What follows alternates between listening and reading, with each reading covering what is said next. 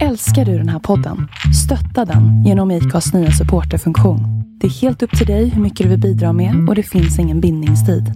Klicka på länken i poddbeskrivningen för att visa din uppskattning och stötta podden. Planning for your next trip? Elevate your travel style with Quince. Quince has all the jet setting essentials you'll want for your next getaway, like European linen premium luggage options, buttery soft Italian leather bags, and so much more. And it's all priced at 50 to 80% less than similar brands. Plus, Quince only works with factories that use safe and ethical manufacturing practices. Pack your bags with high-quality essentials you'll be wearing for vacations to come with Quince. Go to quince.com slash trip for free shipping and 365-day returns.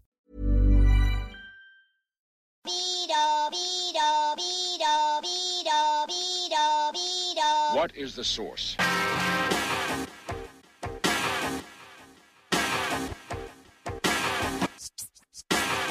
One, two, three, set it!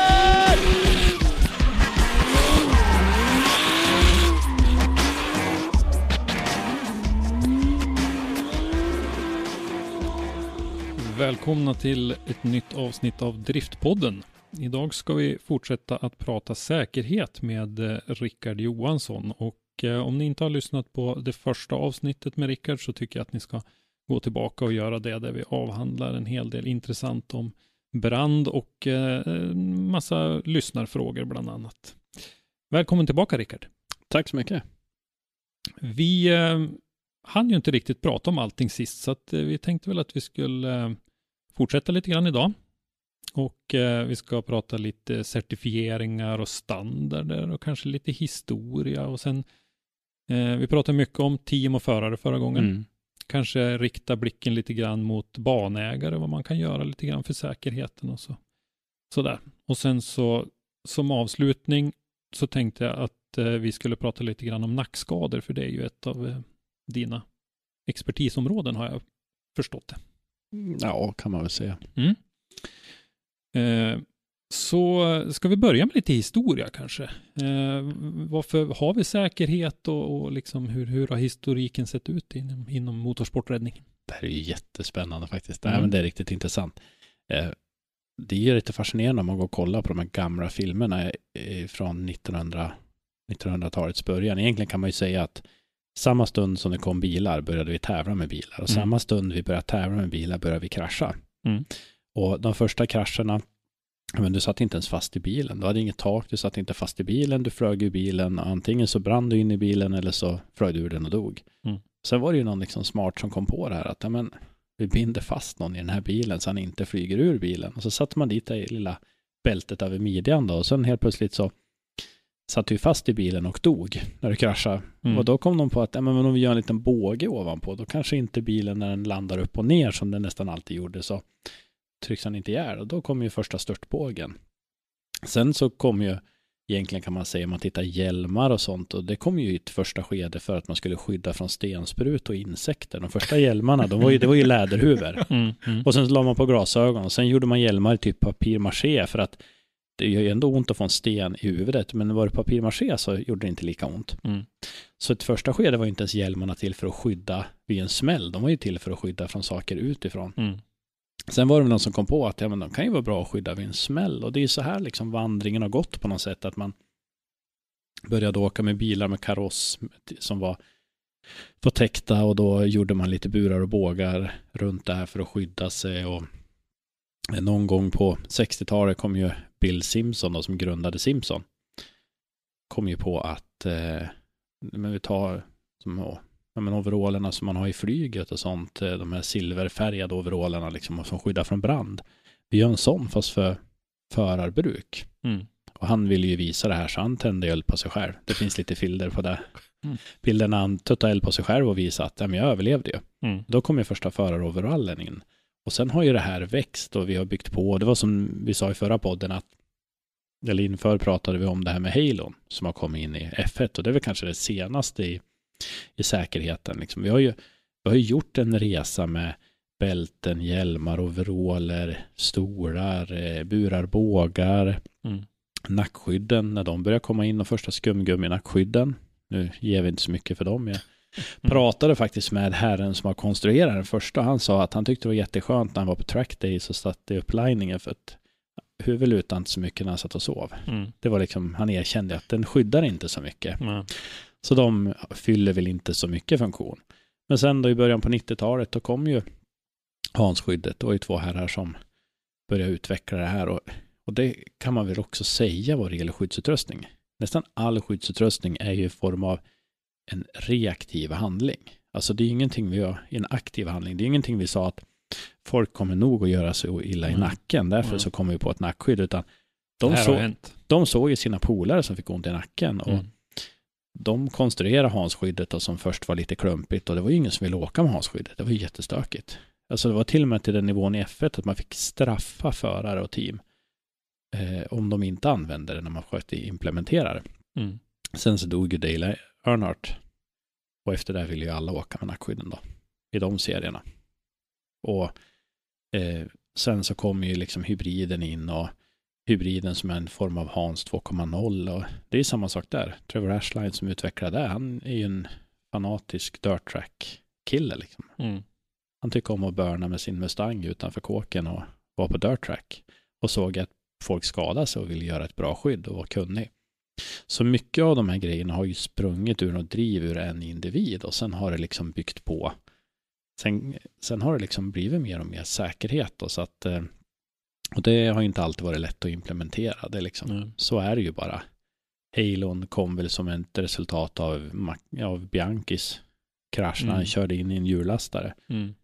Eh, sen kan vi se Filippe Massa fick en fjäder i huvudet. Ja, då Mm. ändrade man siktytan på FIA-hjälmarna och det är liksom allt. Det är som vi pratade om förra gången att allting i regelboken har ju kommit till för att det var någon som testade. Mm. Och det är lite samma sak med all den här skyddsutrustningen. Alltså det är väldigt lite av skyddsutrustningen som är påtvingat för att någon trodde att någonting skulle ske. Mm. Så man ibland när man pratar med, med vissa som kanske eh, tycker att det, det är dyrt eller krångligt eller bökigt, man gärna vill falla tillbaka till det här resonemanget att ja, men det här tvingar de ju bara på oss. Mm. Men det mesta har ju tillkommit som ett resultat av någon form av skada. Mm. Och vi har ju tagit ganska stora steg framåt. Jag är ju inte alls eh, insatt i det på så sätt mer än som, som allmänt intresserad så att säga. Men min bild är nog att de senaste, ska vi säga 10-15 åren, att det har varit en ganska kraftig utveckling ändå. Jag utgår, vi tittar vi F1 på 70-talet så dog en av fem förare. Mm. Och nu var liksom den förra dödskraschen vi hade nu var ju Bianchi då. Mm. Och gången innan den så var det ju Martin Senna och Roland Ratzenberg 94 va. Mm. Så att är ju väldigt många år. Sen har vi haft dödsolyckor i, i F2 och i de eh, serierna under har vi haft dödsolyckor då tyvärr. Men vi ser ju att det händer inte så väldigt mycket eh, idag vid en krasch på samma sätt som det hände på, på den tiden. Bilar är väldigt säkert konstruerade och vi kan ju se liksom, ja men du kraschar i, ibland i 500 kilometer i timmen och kliver rakt ur bilen. Mm. Och då är någonting har man gjort rätt. Ja, absolut. Men, men du måste säga det att, att klippa en hjullastare måste ju vara en, en, nästan en freak accident. Ja, Det, det är liksom, men, att det resulterade i någonting som på sikt räddade livet på Roman Grosjean nu som var lite emot Halon. Men den har väl visat sig att om han inte hade haft Halon hade han nog inte klivit ur den där bilen. Det vet vi inte. Jag tycker det är för snabbt. Eh, Det, det är egentligen är det så här att vi vill ju se Fias rapport och eh, se vad den kommer fram till. Och, eh, och se där. Och det är såklart att Halon har säkert varit en viktig del i systemet. Däremot att kanske ge den 100% av credden för att han klarar sig. Ja, nej. det, det, men det är många som gör det. Halon Mm. say this life är liksom Mm. den stora rubriken. Mm. Och, Och de, hade, de hade väl visat någon bild på att det var massa skrapmärken på, på själva den här den mittpinnen i Halon så att säga. Att, att räcket hade väl skrapat i det. Och frågan är om inte det, Halon hjälpte till och hade lite vad ska man säga, konservöppnareffekt när han gick igenom räcket. Ja, och men det så- kanske att hjälmen hade Ja. tagit den smällen om man Ja, inte men hade haft. så, så kan det vara. Det stora problemet vi har i säkerhet, vi skulle prata lite nackskador sen, men det faller in lite på det här, men det är ju det här att alltså, vi kan inte göra om en smäll en gång till under samma förutsättningar och Mm. se får vi samma resultat. Nej. Eh, det är ju lite som det här med nackskador, liksom. vad skulle ha hänt om man hade åkt så, eller vad hade Mm. hänt ifall han hade haft den utrustningen. Det är som det här med nackskydd. Vi kan ju bara titta på testerna och se ungefär hur det fungerar. Men vi kan ju inte ta en förare och säga att han hade ingen nackskydd när han blev skadad. Men hade han haft nackskydd hade han inte blivit skadad. Det vet Nej, vi det, det egentligen är omöjligt inte. att Alltså, avgöra det. Mm. och det är där på något sätt som har varit signumet för säkerhet, att det är väldigt svårt att motivera ibland och sälja in det för att du kan inte liksom, du kan inte ta en grej och släppa från en viss höjd och säga det här hände och sen släpper du någonting bredvid med en skyddskapsel på. Så kan du inte göra med en person in i en bil till exempel. Vi kan göra tester med krockdockor och vi kan liksom simulera och Mm. sånt, men de där faktiska olyckorna, det finns ju ingen olycka som är en andra lik. Det Mm. räcker ju med att bilen var, styrde två grader åt sidan så har det ett helt annat scenario. Mm. Och det, det är det som på något sätt ställer till ett problem. Så att Halon absolut en, eh, en nödvändig, ska vi säga, kanske konstruktion med tanke på vad som hände. Sen tittar vi upp Bianchis krasch så kanske man istället kan ställa frågan varför, har, varför hade man inte ut ett buffertfordon som Mm. varnar dem innan och Mm. bromsar upp dem innan i det här läget till exempel. Alltså det, det, finns, det finns ju flera sätt eller flera vinklar att se på problemet. Och eh, det är väl liksom en av slutsatserna där att man kanske, som vi jobbar väldigt hårt med, att få ut buffertfordon som skyddar och som ställer sig och jag jobbar ju på samma sätt i trafiken på räddningstjänsten som jag gör ute på motorbanorna. Någon har koll bakåt, vi ställer buffertfordon, vi skyddar. Mm. Det, det, kanske, det kanske hade stoppat utgången av Bianchis krasch också. Mm.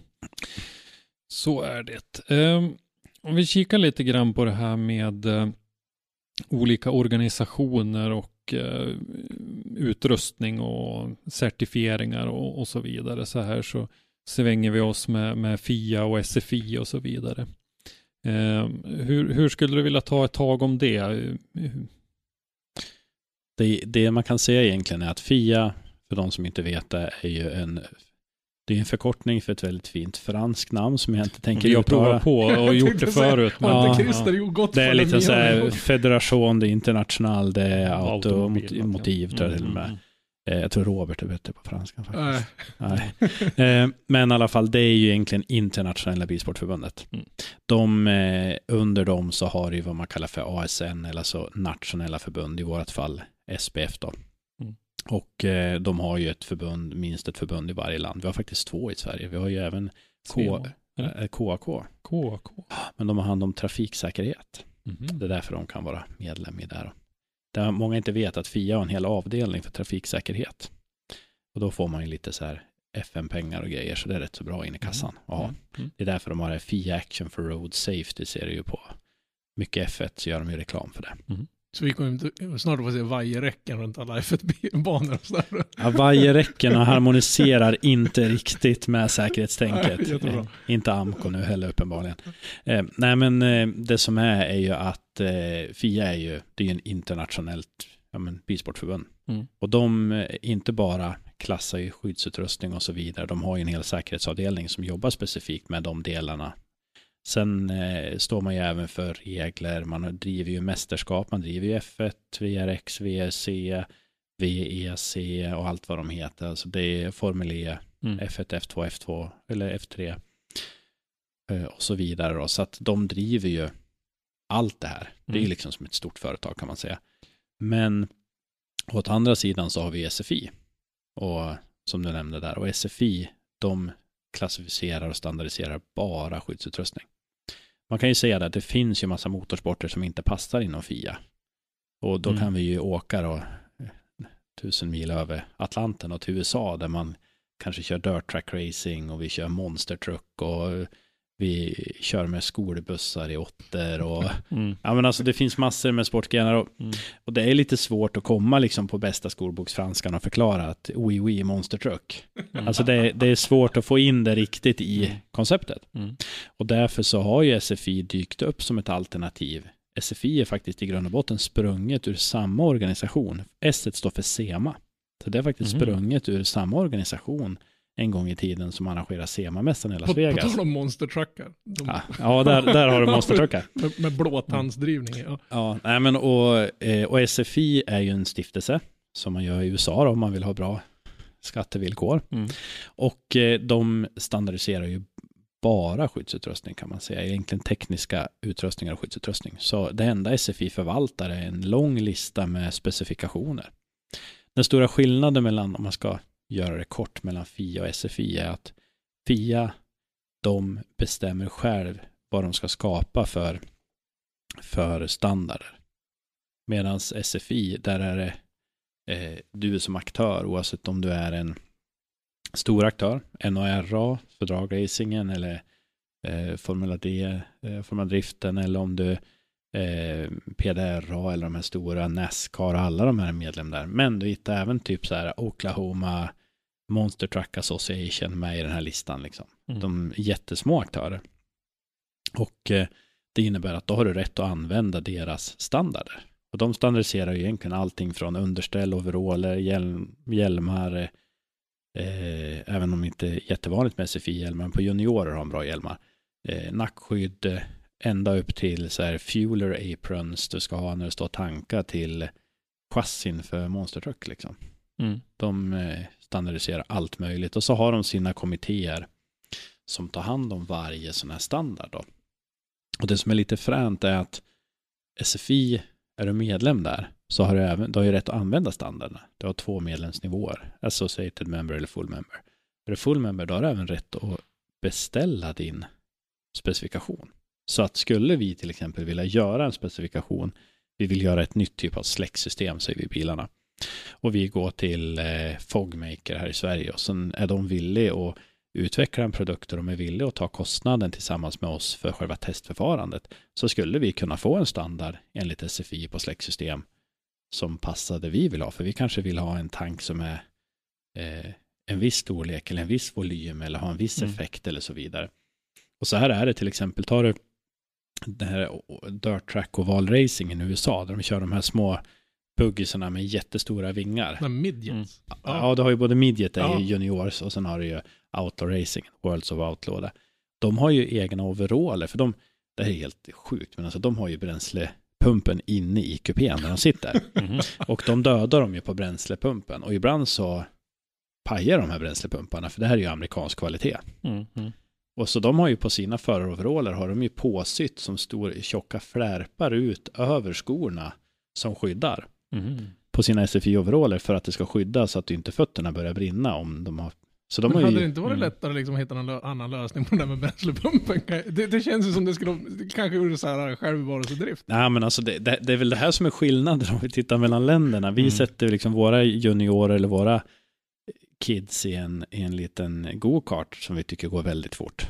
Jag vet James Hinchcliffe var med på ett seminarium en gång och han var lite så här keynote speaker på lunchen och då berättade han att hans pappa byggde ju en sån där midget åt honom och eh, han eh, hoppade in i den där och han sa ju det han eh, alltså den stack ju bara iväg alltså det, för den satte ju en 350 Mm han var ju vad var han? 350 kubiktums V8 alltså. Ja, Mm. ja, ja, ja, ja jag tror det. Inte 350 kubikcentimeter här. Nej, nej, här pratar vi kubikton. Ja. Här, här pratar vi en V8 liksom. Ja. Och han var väl 13 bast eller någonting då, Ja. tyckte han. Mm. Och eh, han, eh, ja, de, han kom ju tillbaka med den där och de lastade den på släp och så skulle de åka till banan. Och han sa det, han var ju livrädd hela vägen. För han hade konstaterat när han kom till banan, då måste han ju trycka på gasen också. Mm. Han har ju inte ens rört gasen. Ja. Och, och, och Hinchcliffe är väl inte riktigt känd för att vara världens fegis, som man så säger. Nej, Det kan ju inte ha gått något bra för den killen, för jag känner inte igen namnet i alla fall. nej James Hinchcliffe, han, han, dök, han, han, dök, han dök upp en sväng i Indycar där Ja, vet jag. Fast han är tillbaka nu. Ja, han fick ju hoppa Bara in ba, nu en liten dryg grej. Hans fru är en skådespelare. Ja, jag såg. Och, och, och då hade hon skrivit på sin Instagram att hon är I, pre, I, I? I I, play pretend. I play pretend and my husband drives in circles. Circles, ja. här, Snacka om att ta någons karriär på inte fullt stort allvar. Nej, jag tror inte hon tog sitt eget liv på stort nej. allvar. Nej, men så att, eh, så, och det är väl det som är. SFI är ett amerikanskt koncept och där vet man ju till exempel att vi kör, ja men ta dragracingen. Du kommer in med en standard eh, Cobra 1 Mustang och kör de långsammaste klasserna. Du har en SFI 1 overall, tre sekunders vid brand liksom.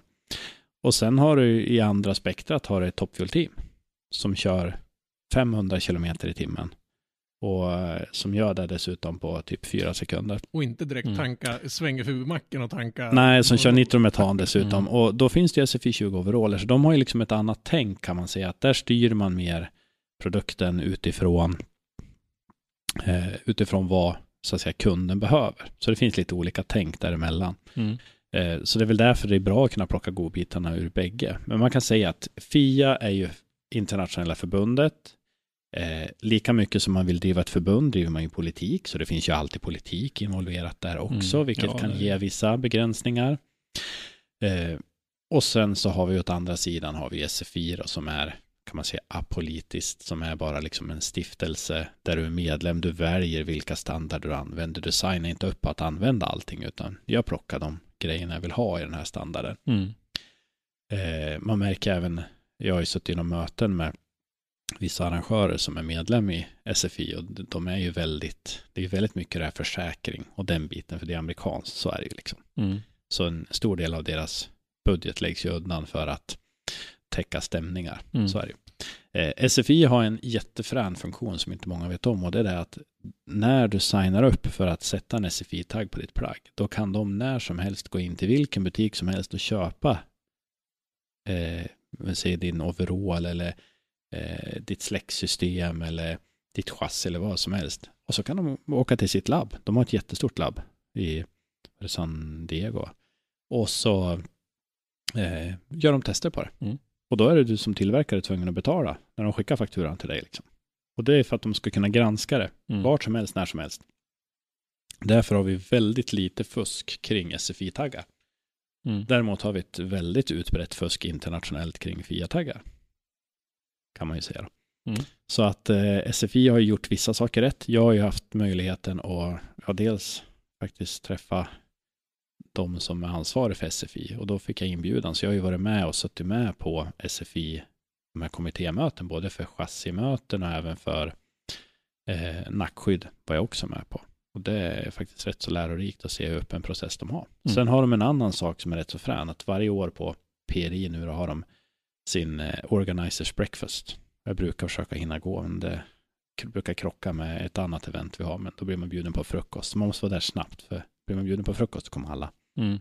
Men där inne, där kan du komma oavsett om du är NORA eller Indycar eller Nascar eller Oklahoma Monster Truck Association. Alla har rätt att komma dit om du är medlem i SFI. Cool. Och alla har rätt att ställa frågor. Och de drar igenom lite statistik och så där. Så de har väldigt öppen process. Det kan Mm. jag säga, det har inte FIA. Nej, nej, Nej. det, det har vi förstått. Det, där är det väldigt till Det är som att svänga ett hangarfartyg lite. Ja, på torra land. Okay. Ska jag vilja säga. Nej, men lite så, lite så är det. Det är mer politik. Så att Mm. eh, FIA har vi ju fördelen med vissa saker, SFI har vi fördelen med vissa saker. Men ska vi, ska vi se det där som ett lite, en liten skillnad mellan europeiskt och amerikanskt lite grann? Då? Att i, i, i Europa följer vi väldigt mycket FIA. Ja. Eh, Och eh, där är det ett system du ordnar in det i. Och är vi med i SPF så har vi väl eh, i princip sagt att vi måste följa det FIA säger. I stort sett. Ja, där försöker vi få lite luckring, men, Ja, men det är det, mycket så. ja, men det är mycket så. Att vi, vi rättar in oss i ett system och vi vet liksom att kör vi enligt FIA så vet vi vad som gäller. Där borta, där kan du välja godbitarna ur SFI. Mm. Men där är det då istället, kan man nästan säga, försäkringsbolaget som är högsta nivån som, som, som ska för- försöka godkänna någon slags helhetsbild kring det där. Ja, Eller? Man, man kan ju säga att du har ju någonting som heter ACUS. Det är American, eh, eller Associated Car Clubs of the United States. Det är ju ungefär som USAs SPF. Mm. Det som är fränt med dem är att de är ju inte lika, om man ska säga, drivande som SPF är i att vara en aktör. Utan de är samlar aktörerna.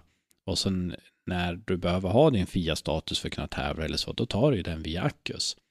Men eh, ta som Nascar, Indycar, Formula Drift, eh, och NHR, de, är ju, alltså, de har ju sina egna reglementen, de har ju sina egna regelböcker, de har ju sina egna organisationer, de sätter ju allting själv. Mm. För att till skillnad som vi, om vi kör under SPF säger vi nu till exempel, då är det ju via SPF vi får vår försäkring. För att Mm. köra en tävling behöver man ju en, eh, du behöver ju polistillstånd och du behöver en försäkring. Det finns ju lagen om motortävlingsförsäkring och så finns det ju att du måste ha ett polistillstånd. Har du de två, då kan du köra en tävling. Sen väljer man att köra under SPF, ja då har du ju en eh, försäkring via dem. Mm. Väljer du att köra under SMA, ja, men då har du ju en försäkring via dem. Väljer du att köra under Nitros, då har du en försäkring via dem. Mm. Så att eh, vi börjar ju få ett liknande klimat här. I USA, där är det ju så att där går ju varje organisation själv in och är sin egen aktör helt och hållet. Mm. Sen att man är medlem i Accus, det är ju mer bara liksom formalia och att man får ta del av ett visst FIA-system också om man Mm. behöver det. Mm. Många är ju inte det. Eh, Så vi börjar ju få kanske liknande det klimatet här Mm. som vi har där. Jag ser fördelar med det klimatet för att vi kan styra, alltså det är ju som Nascar och Indycar säger, de äger ju sina egna produkter och de vill ju inte att det sitter någon ovanför och beslutar för att alltså det är ju sådana enormt stora pengar i deras system. Mm. Så eh, sen kan vi ju kasta in snäll har vi ju där också som en Mm. liten, en liten bonus då. Och snäll, de standardiserar ju bara hjälmar. Snäll är ju ingen frän förkortning utan snäll är alltså en stiftelse som instiftades när det var en kille som heter Robert Snell dog i en olycka och hans föräldrar puttade in pengar. Eh, och uppenbarligen dog han väl i en olycka kan jag misstänka där en hjälm kanske hade kunnat fyllt en funktion. Mm. Och de standardiserar ju bara hjälmar. Det är det enda de gör. Och då har du ju snäll SA 25, 2010, 2015 och det är årtal då. Och då innebär det ju liksom att alla tillverkare som standardiserar snällhjälmar, de skickar visst många hjälmar till dem. Och så har de ett jättestort lager där de sätter in, jag tror de nämnde att det var två hjälmar av varje modell. Och sen tar de ut de här lite då och då och kollar på de här hjälmarna. Och de här hjälmarna ligger i optimal miljö inne på ett lager. Mm. Och får de indikationer på att det börjar bli sprickbildning på en viss modell eller en viss standard eller att eh, de tar, och då tar de ut sina hjälmar och kollar har vi fått på några på de som är här i lagret. Börjar de se att det händer grejer med SA 2005-standarden, Mm. då kanske de tar ett beslut att okej, men nu fasar vi ut det med den här tiden. Eller Mm. nu fasar vi ut de här modellerna. Så att de har ett väldigt liksom övervakande system. Men Mm. de testar ju, man säger, de är ju den amerikanska motsvarigheten till, till FIA då på standarder på hjälmar. Och där är ju fördelen för, för snäll är ju mycket billigare oftast i modell än vad FIA-hjälmar är. Mm. FIAs nya Advanced Helmet den kostar väl någonstans 55-60 tusen Mm. tror jag. I runda svängar. Men, nu när vi ändå är inne och snackar lite hjälmar, jag, jag brukar kasta mig i hjälmdebatter överallt, för jag, Mm. jag, som ni kanske har redan förstått, slag i huvudet rätt många gånger. Men, men jag resonerar ju så att man köper så dyr hjälm du någonsin kan spendera pengar på. Du nästan pantsätter ditt hus för att köpa en så bra och så dyr och bekväm och så lätt hjälm som du har råd att köra. Sen dyker det upp väldigt många, jag var inne i någon liten Facebook-diskussion, det var någon som tyckte att men jag har en hjälm som är ratad för att köra road racing motorcykel. Men jag får inte sitta och köra trackday eller frikörning, drifting eller Nej. någonting sånt där i den. Varför? Han hade svårt att fatta att hans, hans 10 000 kronors motorcykelhjälm, det fick inte han köra folkrace i ens en gång. Ja, nej men alltså hjälmarna, hjälmar är gjord för olika saker. Alltså så är det ju. En, en hjälm som du kör motorcykel, den är ju gjord för att du ska flyga av motorcykeln, för så händer det ju oftast. Och sen ska den tåla ett slag i backen och sen ska den tåla skrapningen och det. När du, eh, när du liksom glider på backen. En motorsporthjälm, en bilsporthjälm, den är ju gjord för att tåla att du sitter inne i en bil och du har en B-stolpe alldeles bredvid dig. Du har rör, du har allting sånt och att du ska kunna slå i där relativt. Så att den är ju gjord för en helt annan sak. Och det upptäcker jag många gånger att folk säger det. Men jag har ju en jättebra MC-hjälm här. Ja, men dels har du den aspekten. Sen är det det att din MC-hjälm har ju inte en brandtålig klädsel inuti. Utan din MC-hjälm, den är ju alltså gjord, den blir som en fackla. Sen pratar man om det här med ECE 2205 och så vidare. Eh, ECE 2205 är egentligen en form formstandard för hjälm, hur innandummet ska formas efter huvudet. Man gjorde om att det skulle se bättre ut. Men man ska tänka på det att har man inte ens som det står att det är FR, att det är alltså Fire Retardant klädsel, men då brinner den som en fackla. Då är den rätt så dum att ha. Ja, då har Mm. du ju i stort sett en, en frigolit och skumgummistoppning i inslagen i någon sån här nylon. Ja men, ja men så är det. Och sen tittar vi vidare till nästa steg. Ska man köpa en hjälm? Ja, men köper du en hjälm idag så är den klassad så att du kan sätta på ett nackskydd. Annars kommer du ju behöva köpa en hjälm. Eh, en till hjälm när du väl ska köpa ett nackskydd till exempel. Så att, Mm. Men snäll kontra Fia är ju mycket billigare. Jag skulle säga att köper du en Schubert-hjälm från Fia så kanske du betalar 25-30 papp. Och du kan köpa en snäll hjälm från en bra tillverkare för med samma funktioner för kanske 7, 8, 9 tusen. Men får man köra Mm. med båda två hjälmarna, modellerna i Sverige? Alltså tävla Ja. i drifting i en snällhjälm Ja, och en, en ja, ja du, får- du får köra racing och du får köra rally och Ja. allting med snällhjälmar. Så det, det är inget problem. Det finns i, i SPFs regelbok. I generella regelboken eh, har vi öppet för snäll. Det vi gick in och gjorde i regelboken kan man säga att jag gick in och skrev om och rensade. Vi hade ju British standard och massa gamla standarder och jag tror i vissa av reglementen var det tillåtet att åka med snäll M88. Det innebär alltså att en motorcykelhjälm klassad 88. Mm. Så sånt plockade vi ju bort Det har lite. hänt en del sedan dess. Mm. Ja, tekniken har ju kommit framåt. Sen har vi ju de här peltorhjälmarna som många pratar om. Och eh, det finns ju bara svarta och vita med bilsporthjälmen som man kallar dem. Det var ju ett koncept att man tog fram en väldigt lätt hjälm innan vi började åka med, eh, med nackskydd. Och det var ju liksom ett sven, svenskt tänk. Och det, det, var väl, det var väl bra på sin tid. För att undvika nackskador. i- Ja, det Mm. var väl liksom ett led i det. Men det var lite dålig plast och de började spricka så de har ju fasats ut och de funkade ju inte med nackskydd och så vidare. Och nu när nackskydden har kommit så kan man ju se att det är nackskyddet som håller fast huvudet vid kroppen vid en krasch. Mm. Så då är vi ju inte lika beroende av alltid av vikten på hjälmen. Sen är det såklart att vi inte ska ha en, en hjälm som väger jätte, jätte, jättemycket. Nej. Men eh, vikten är inte lika beroende idag. Ja, det är väl mer en bekvämlighetsgrej, att det är skönt att ha en så lätt hjälm som möjligt på huvudet så den inte Ja, liksom har sen- någon tung sen- klump. Sen är det ju lite så här om vi tittar liksom, ditt huvud väger kanske fem och ett halvt, sex kilo. Om du är en normal stor man. Och eh, om det då skiljer 200 gram på hjälmen så kommer det att varken göra av eller till om du inte har ett nackskydd som håller nacken. Alltså det, det är så lite viktskillnad i storlekarna på hjälmarna eller i modellerna så att det är nog snarare ha inte så stort huvud eller stor hjärna då i så fall ska kunna påverka det Mm. hjärnstorleken kan ju variera. Så är det ju liksom. Det Vad är, vi. vad är föredrar? Det finns ju mycket olika material de gör själva ytterskalen i hjälmarna på. Alltså är de klassade så ska de ju tåla samma. Sen är det såklart att det alltid är fränt med kolfiber. Men det, Det- det är liksom ingen större skillnad om du köper en, en 5000 kronors, vad heter de då, RRS eller något. Ja, jag törs inte Ja. nämna något. Eller, eller om du köper någon, Ja, det, någon Simson-hjälm med kolfiber. Alltså de är ju testade för samma. De ska, ju- alltså, så är det ju med alla standarder. Standarden är ju, det är ju ett minimum. Det ska du ju klara. Sen är det ju såklart att du köper en dyrare pryl så mest troligen så kommer den ha en högre komfort och den kommer att ha en bättre eh, hållbarhet liksom. Att den kommer att tåla lite extra. Så är det. Den kanske tål lite mer brand, den kanske tål lite mer mekanisk nötning och den kanske håller längre som, som hjälm.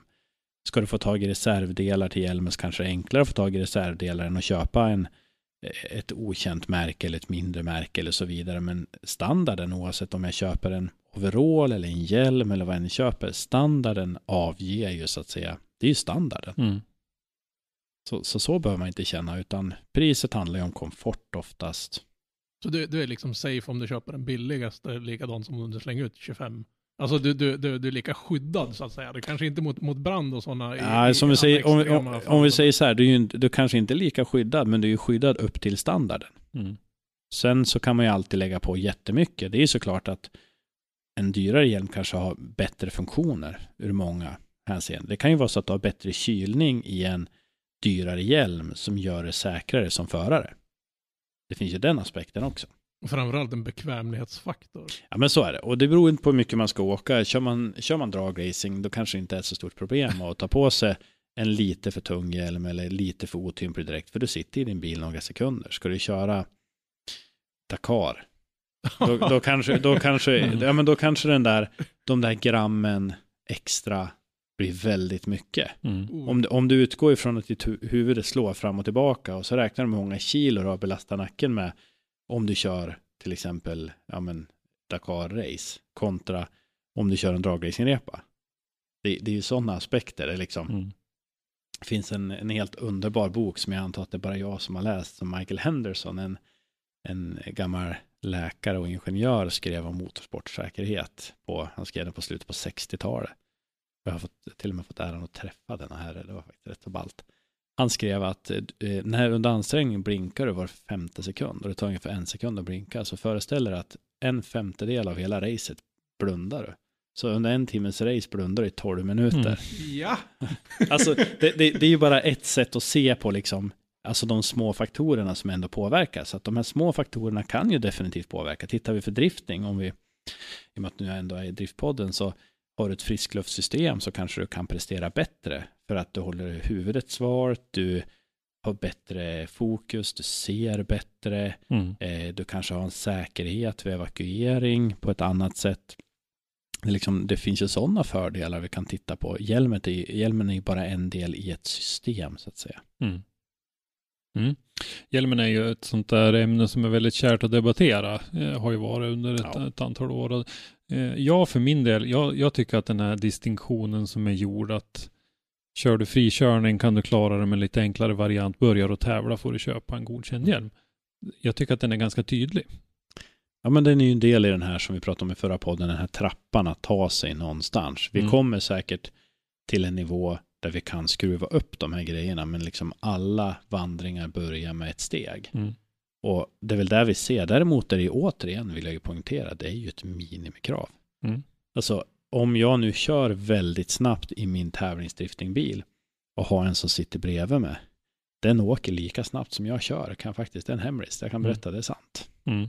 Och då kan det ju vara bra att man har samma skyddsfaktor på den som Mm. jag har. Mm. Så att det tycker jag definitivt man ska tänka på. att Där hade vi ju en, eh, en upplevelse som var med i ett av våra tidigare avsnitt när Kevin Brunberg berättade om hans avkörning på Mantorp. Och vad glad han var att han hade investerat i samma säkerhetsutrustning till sin sambo som faktiskt satt bredvid då. Och eh, att det, det hade inte varit roligt annars. För det var en, en, en rätt skaplig smäll. ja, nej men så är det. Så att eh, det, det kan vi väl sprida ut att låt dem inte ärva de gamla grejerna så att säga och, och sådär utan eh, se till att ha bra grejer. Nej men så är det. Och det blir ju lätt när man skjutsar att kanske inte eh, bältesvinklar passa eller att hjälmen är lite för stor eller sådana Mm. här saker. Liksom. Ta, ta er lite tid att justera om så att Mm. saker verkligen passar. Och är det så att man har en stor som är stor och man har bältesvinklar som är gjord för en stor person, man kanske inte ska skjutsa en liten person. Då kanske man Mm. hellre ska be den att få åka med någon som har lite mindre stor. Då. Mm. Så det, det, det, det handlar ju liksom någonstans om eh, sunt förnuft Mm. i det hela. Utsätt inte den andra för någonting du inte skulle utsätta dig själv för. Ja, precis. Eh, vi har ju uppehållit oss ganska mycket kring säkerheten i bilen och på föraren hittills i våra diskussioner här. Men man kan ju ta det här i ett, i ett mycket större perspektiv för det är ju ändå trots allt en hel del som förarna inte kan påverka överhuvudtaget. Och det är ju dels lite grann hur vi hanterar säkerhet i reglementen och regelverk och hur det hanteras på banorna. Om vi börjar lite grann med, med regelverken. Eh, om vi börjar med, tycker du att säkerheten får den plats eh, den förtjänar i, i den bemärkelsen? I, regla, i reglementena? Mm. Ja, det är jag som har skrivit reglerna. så att, Ja, nu, nu kan vi höja blicken lite grann utanför driftingen och säga, Eh, om vi säger SPF i stort. nej, det kan jag väl säga att det här är väl en sak jag har faktiskt varit kritisk om och det kan jag nog öppet säga också. Det har jag ju pratat med vår nya förbundsordförande om och det var en sak han uppmärksammade också så att det här måste vi titta på. Mm. I dagsläget har vi ett räddningsreglemente i två sportgrenar. Det är drifting och i dragracing. Vi har inga regler för räddning i de andra sportgrenarna överhuvudtaget. Men Mm. så typ racing har Nej. inget... Men va? Nej, jag hade lagt ett förslag men det drog jag tillbaka för det låg i, i långbänk i sju år. Sen gav Du jag upp. skämtar alltså? Eh, Sjukortsreglemente har vi i dagsläget i två sportgrenar och det är dragracing och i racing. Eh, Det finns väl vissa saker som skulle behöva ses över i vissa av de här reglementena. Definitivt. Men så ser det ut idag. Vi har ingen, vi har ingen beskrivning hur vi ska bedriva räddning eller sjukvård i rally, rallycross, racing och så vidare. Eh, Folkrace. Jag som har liksom vuxit upp i den världen har ju nästan så här, men va? Ja, nej, men så, Så, här, fem, 50 år senare så Mm. bara, För- va? Fortfarande? ja, nej, för, för, föregångaren här är väl egentligen dragracingen. Mm. som hade en eh, dödsolycka 86 var det väl, Lia Anders körde ihjäl sig. Och efter det så högg de tag i det. Så då tog de fram ett räddningstjänstreglemente och det var första räddningsreglementet som kom. Så de har ju varit liksom en föregångare i den. Sen finns det väl saker i det som skulle behövas ses över, kan vi väl helt enkelt säga. Men det är i alla fall ett första dokument som kom. Sen så kom sjukvårdsreglementet för racing kom väl på början på 2010-talet kom det. Och sen så kom dragracingen för något år sedan. Det var jag med skrev bland annat. Och Mm. sen så från Svemos sida då, då. Det är samma reglement i dragracingen för Svemo och SPF. Alltså för motorcyklar och bilar. Då. Ja. Mm. Och sen eh, kom vi nu då med räddningsreglementet för, för drifting då. Mm. För. Vi ska väl påverka, eller påpeka det att det finns ju fler saker som, som reglerar det. Att det är ju inte helt fritt hur som helst. Vi har ju FAPen, den, den berömda Den- eh, ja, det- polisens eh, författningssamling som Ja, vi reglerar ju- vissa grejer och sådär. Så att det, det är ju inte fritt på... Men, men vad sitter i att de andra inte har tagit upp, Alltså så här, in i matchen? ja, men så här är det, har ni lite att göra på en fredagkväll, ta datorn och så söker ni efter ett dokument som heter FAP, alltså FAP 512-1. Det är motorsport på bana och så 512-2. Motorsport utanför bana, det är typ enduro och rally och sånt. Du kommer inte tro det, men jag har läst. dem. Jo, bra. vi, Det- det är vi tror bra. det faktiskt. Ja. Det är bra. Eh, så jag kan rekommendera lyssnare att göra det. Det blir en jättetrevlig fredag. Ni kommer att somna tidigt. Nej, men där definieras ju lite det här hur banan ska se ut, eh, räcken, vallar. Eh, det definieras eh, tillståndsmässigt vad man måste ha, radiosystem måste finnas och så vidare. Tittar man på räddning, då står det att det ska finnas en, adveka, en adekvat räddning. Det är vad som Men står. är ingen specifikation, specifikation på vad det är. Däremot tittar vi på sjukvårdssidan, där står det ju att du ska 15 ha... minuter ambulans. Va? Ja, man stödjer sig på någonting som kallas för närhetsprincipen. Den är Mm. lite luddig för idag pratar vi teknisk grad på ambulanserna så egentligen teoretiskt sett stödjer du på den. Då ska du också sitta i direktkommunikation med SOS och fråga Mm. när de har skickat ut ambulanserna. Är de, är de längre bort än 15 minuter får du bryta en stund. Så den är lite svår att stödjas på. Jag vet Mm. att vissa vill göra det, men den är, den är lite luddig.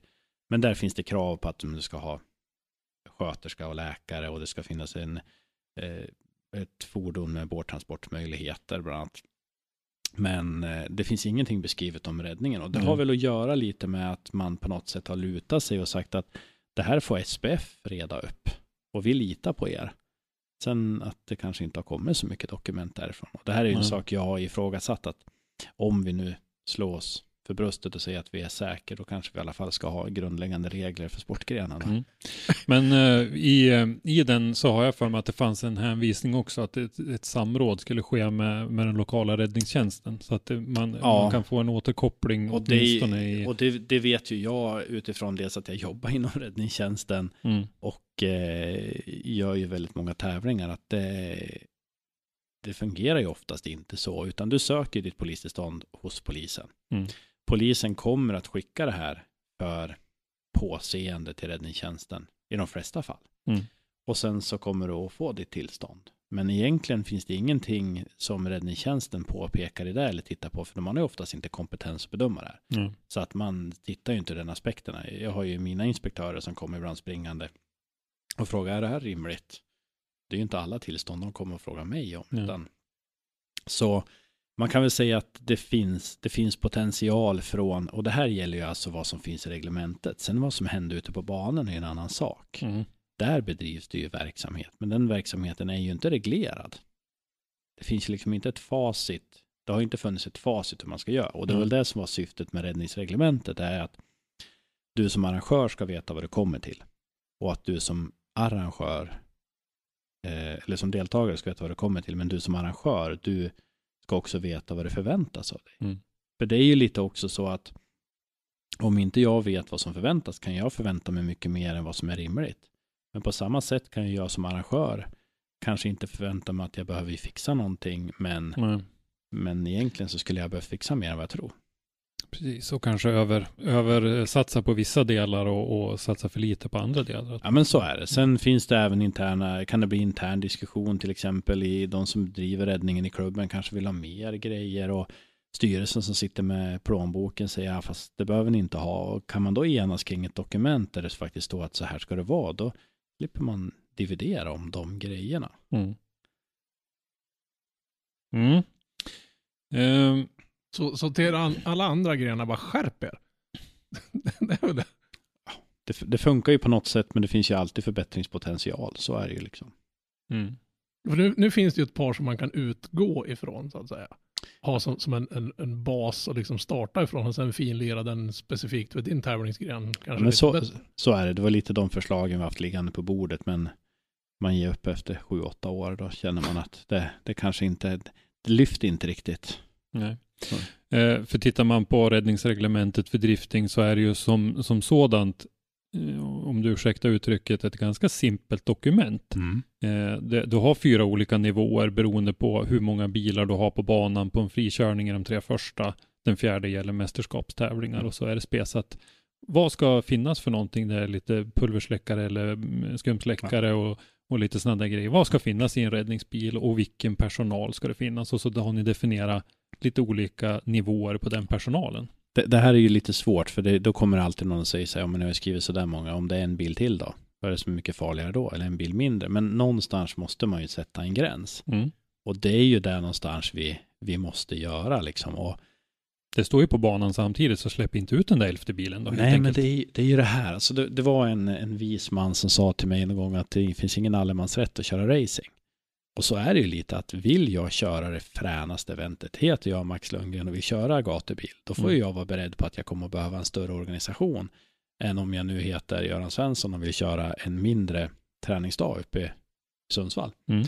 Alltså, det beror ju på hur många man vill ha. Och som sagt, det gäller ju hur många bilar som är ute på banan. Du Mm. kan ha jättemånga i depån. Mm. Och det står ju dessutom ingenting om att du får köra, du kanske kan köra två slingor. Mm. Ja, men då har du, har du, har du bara åtta bilar ute på varje slinga liksom. Ja, Mm. men då är det ju inget problem. Nej. Alltså, så det finns ju sätt att se på det där. Så att, men, men sen handlar det ju om det där att det ska finnas en enkelhet. Du som klubb ska enkelt kunna göra ordning en räddningsbil. Ja, men någon är hantverkare, någon är snickare, rörmokare, Mm. eh, svetsare, mekaniker eller vad som helst, montör. Kan du låna dens bil, kasta in två, tre släckare och sen har du ett, ett brandställ du kan låna eller så. Ja, men då har du den räddningsgubbe du behöver för att Mm. köra de där lägre nivåerna. Sen när vi börjar kliva in mästerskapsnivå, för då säger folk så, ja, men brinner en bil värre om du kör ett SM? Nej, men vi har ju, vi har ju en kamera på oss till exempel. Vi har Mm. ju ett högre, alltså vi har ju en högre medial Mm. täckning. Vi Mm. har sociala medier och så vidare och då har vi valt att ta nivån att vi ska dels få till det, sen att få till ett bättre flyt i tävlingarna också. Mm. Sen, kanske det satsas mer under de grejerna än under en frikörning så att oddsen på att Att om någonting går någonting. åt skogen så går åt skogen på lite högre nivå så att säga. Ja men så är det. Sen, är, sen är egentligen, tittar vi på reglementet, de enda som uppfyller den här högsta nivån i frikörningen, det är ju gatubil. I'm Sandra, and I'm just the professional your small business was looking for. But you didn't hire me because you didn't use LinkedIn jobs. LinkedIn has professionals you can't find anywhere else, including those who aren't actively looking for a new job but might be open to the perfect role, like me.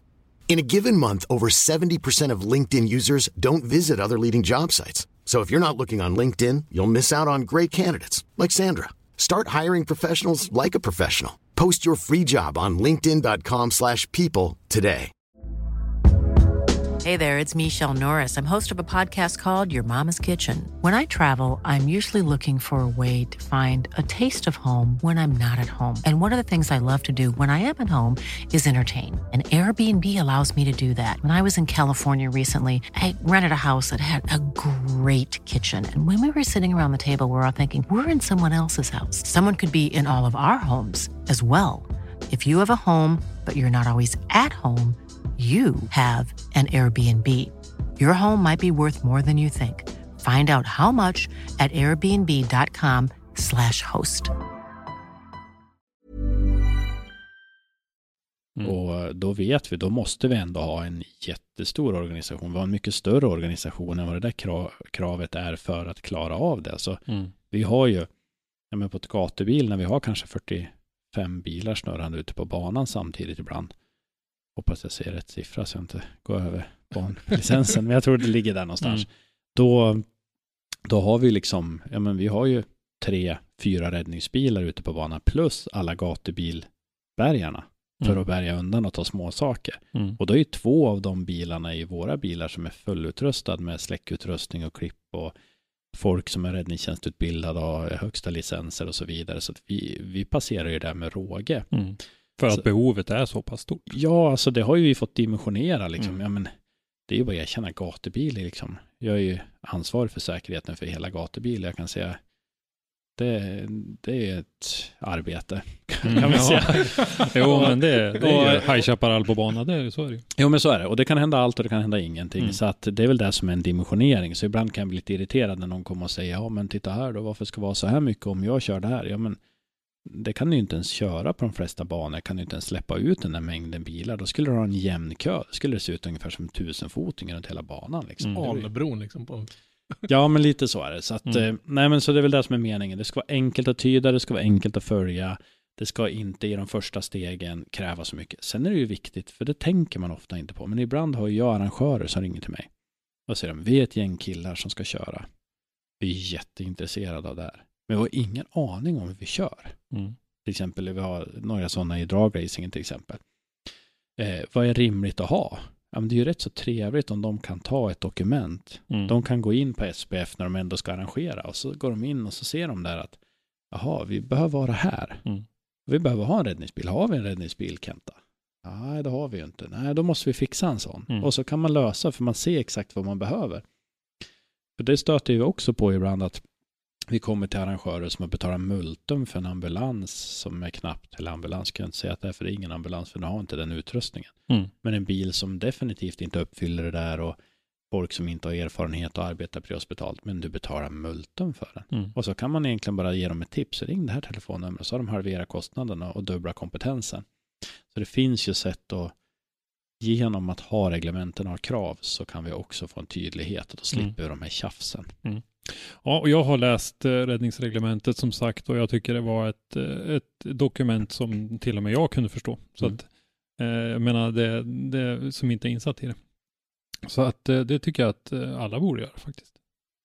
Ja, det är kanske är värt att Ja, titta men, i. ja, men jag tycker det. Ja. Eh, som förare, kommer du till en frikörning med, med 20 bilar på banan och så, så vet du på ett ungefär vad du ska förvänta dig om det är så att man har valt att köra under SPF. Det tycker jag är ju väldigt viktigt att man ska trycka på för att eh, vi har ju, det dyker upp mer och mer i egentligen kan man säga i alla sportgrenar att man kör att man kanske lånar en bana eller man lånar en stor Mm. plan eller och kör och, och någon får, får hyra eller låna den och sen så taggar man på och det finns egentligen ingen organisatör, det finns ingen arrangör men då får man också tänka på det att vi har ju liksom ingen det finns ju ingen försäkring som täcker om du blir skadad Mm. det är svårt att få ut pengar via sin vanliga försäkring. För det står klart och tydligt om man tittar i villkoren i vanliga försäkringar att den inte gäller för extremsport och den gäller inte för si och så. Det är därför vi har de här försäkringarna så att Mm. de ska gå in och täcka. Sen har du ju även skada på tredje man. Mm. Om det skulle hända någonting med någon som är där och tittar eller någonting. Alltså, det kan bli rätt så bökigt och det, det är inte så jättekrångligt att, att få till de där tillstånden. Alltså kunna, och få kunna köra och det är inte så stora pengar att kunna göra det och jag tror att man kan nog vara villig om man är några och dela på den kostnaden. Mm. Sen, nu är jag, nu sitter jag väl lite på dubbla stora för jag säger det att det finns ju flera olika lösningar man kan titta på. Man behöver inte alltid bara titta på SPF eller du kan ju även titta på andra lösningar om det är så. Mm. Eh, Men hitta den lösningen som passar en bäst. Men hitta en lösning där man är försäkrad och där man vet att man gör det på korrekt sätt. Det är oftast inget problem. Men det är jäkligt mycket najsare att, få ersättning när man har skadat sig eller när någon annan skadar sig. Mm. Så är det absolut. Eh, och eh, då har vi varit inne lite grann på det här om jag, om jag vill ha en bana eller om jag har en bana eller om jag vill eh, arrangera ett litet event och då är det ju egentligen inte någon skillnad om man är tio kompisar eller om det är, om det är någon annan liksom. Eh, så ska man vara noga med de där bitarna. Om man vill lära sig lite mer om det här då, hur, hur kan man göra då? Ja. Eh, jag säga, Börjar man läsa reglementet så Mm. vi. Nej men det är väl det första steget. Börja kolla liksom vad som är. Sen eh, är man, är man runt en klubb som har aktivitet. Men ta kontakt med den klubben. Man kan ju även lära sig saker utanför sin sportgren. Alltså för min del, jag lär mig ju minst lika mycket när vi är och jobbar på racing eller dragracing eller time attack. eh, För den delen liksom. Mm. Så att eh, haka med och titta vad som finns. Det finns, alltså vissa klubbar driver ju egen verksamhet. Till exempel har ju, har ju Sundsvall har ett eget räddningsteam till exempel. Men eh, ta till exempel som Mantorp, ja men där, där eh, är ju vi från vårat räddningsteam på plats tillsammans med vissa lokala då, och Mm. har i princip alla de större eventen. Sen 5100 event Eh, vissa av de större hjälps vi åt och, och sen har de egen regi till viss del då. Så att eh, ta kontakt med din klubb och kolla vad som finns. Så finns det ingenting i din klubb, ja, men då får man väl höja blicken lite helt enkelt. Mm. Vi finns ju tillgängliga på som kontaktindivider, Mm. kontaktpersoner och är det så att man har frågor, ja men dra iväg ett meddelande till mig då så kan jag väl tipsa om vilka som finns i direkt närhet och vad du vill göra ungefär. Mm. Sen så tänker jag om man har någon obskyr eh, ny gren eller vad det nu kan vara så tycker jag nog att man, man ska inte vara rädd för att ta kontakt med sin förening heller och fråga för det har vi väl sett exempel på de här inbitna dragracingföreningarna. Vissa av dem har ju hoppat på drifting ganska snabbt för att man har sett att här är ju ett sätt att få in ungdomar i våran verksamhet och, och så. Så att jag tror inte att man ska vara, vara livrädd för det heller egentligen. Nej, och det gäller ju verkligen att eh, det kan vara svårt att starta en klubb. Det är Mm. mycket, det är mycket arbete så det kan vara enkelt att, att eh, tagga, tagga med någon annan liksom och, och dra fördelar av den. Mm. Så är det ju definitivt. Sen, sen är det ju det, vi håller ju på med ibland absurda saker. Jag tror Mm. skönaste kommentaren jag har hört det var eh, när han hoppar med snöskoten så stänger du, stänger du luckan till stridsvagnen. Det är liksom eh, en, en sån kommentar liksom inser ju att vi, alltså i driftingen, vi håller ju på med saker ibland, alltså Mm. uppvisningar och sånt som är, som är väldigt, väldigt annorlunda, men det är ju Mm. otroligt roligt också. Så Mm. att, eh, Och man har ju fått en del frågor ett par gånger. Så, så du menar alltså att folk åker runt och sladdar tillsammans längs en betongmur och det är en tävlingsgren? Liksom bara, ja, har du sett konståkning tyckte jag? Ser det mer normalt ut? Jag pratade ju med, med några av mina internationella vänner och när man fick beskriva det här liksom att ja, nej men vi hade, vi hade ju två Blackhawks. Va? och, där liksom, och så någon fallskärmshoppare och så någon eh, RZR som gjorde backflip och så lite krossar och så 26 driftare och så, Mm. jaha, hade ni det? Det är liksom, Mm. Gå, det- gå, gå och titta på fotboll nu, vi håller på med det här vi så länge. ja. Nej men så att ibland kan jag förstå att det är svårt att få en acceptans till exempel från, från eh, eh, de mer kanske etablerade sportgrenarna där det finns en viss, säga, det finns en viss tröghet i systemet som någon tryckte i. Det kan vara lite På torrt ibland. Ja. Ja men så är det, det kan vara svårt att få en respons jag tror inte att det vi gör till exempel i drifting eller det vi, alltså det passar inte på vissa ställen. Nej. Alltså de vill inte ha det för det är för livat och det är för modernt och det är så. Men det finns de som däremot skulle haka på det direkt. Mm. Så är det nog. Så att Mm. det, det är nog inte fel att fråga. Nej. Får du dålig respons, ja men det finns andra. Mm. Så är det. Jo, men jag tycker som sagt att vi har sett eh, SHR och Sundsvall är ett exempel, SHR och Jönköping ett annat som har Ljusdal. eh, Ljusdal likadant Ja. klivit in i det här liksom eh, därför att eh, chansen dök upp. Men så är det och vi ser ju dragracingen inom SPF sjunker ju. Mm. Däremot ser vi ju till exempel, där ser vi ju en förändring att den här no prep dragracingen som Street Week och så vidare, det växer ju lavinartat. Mm.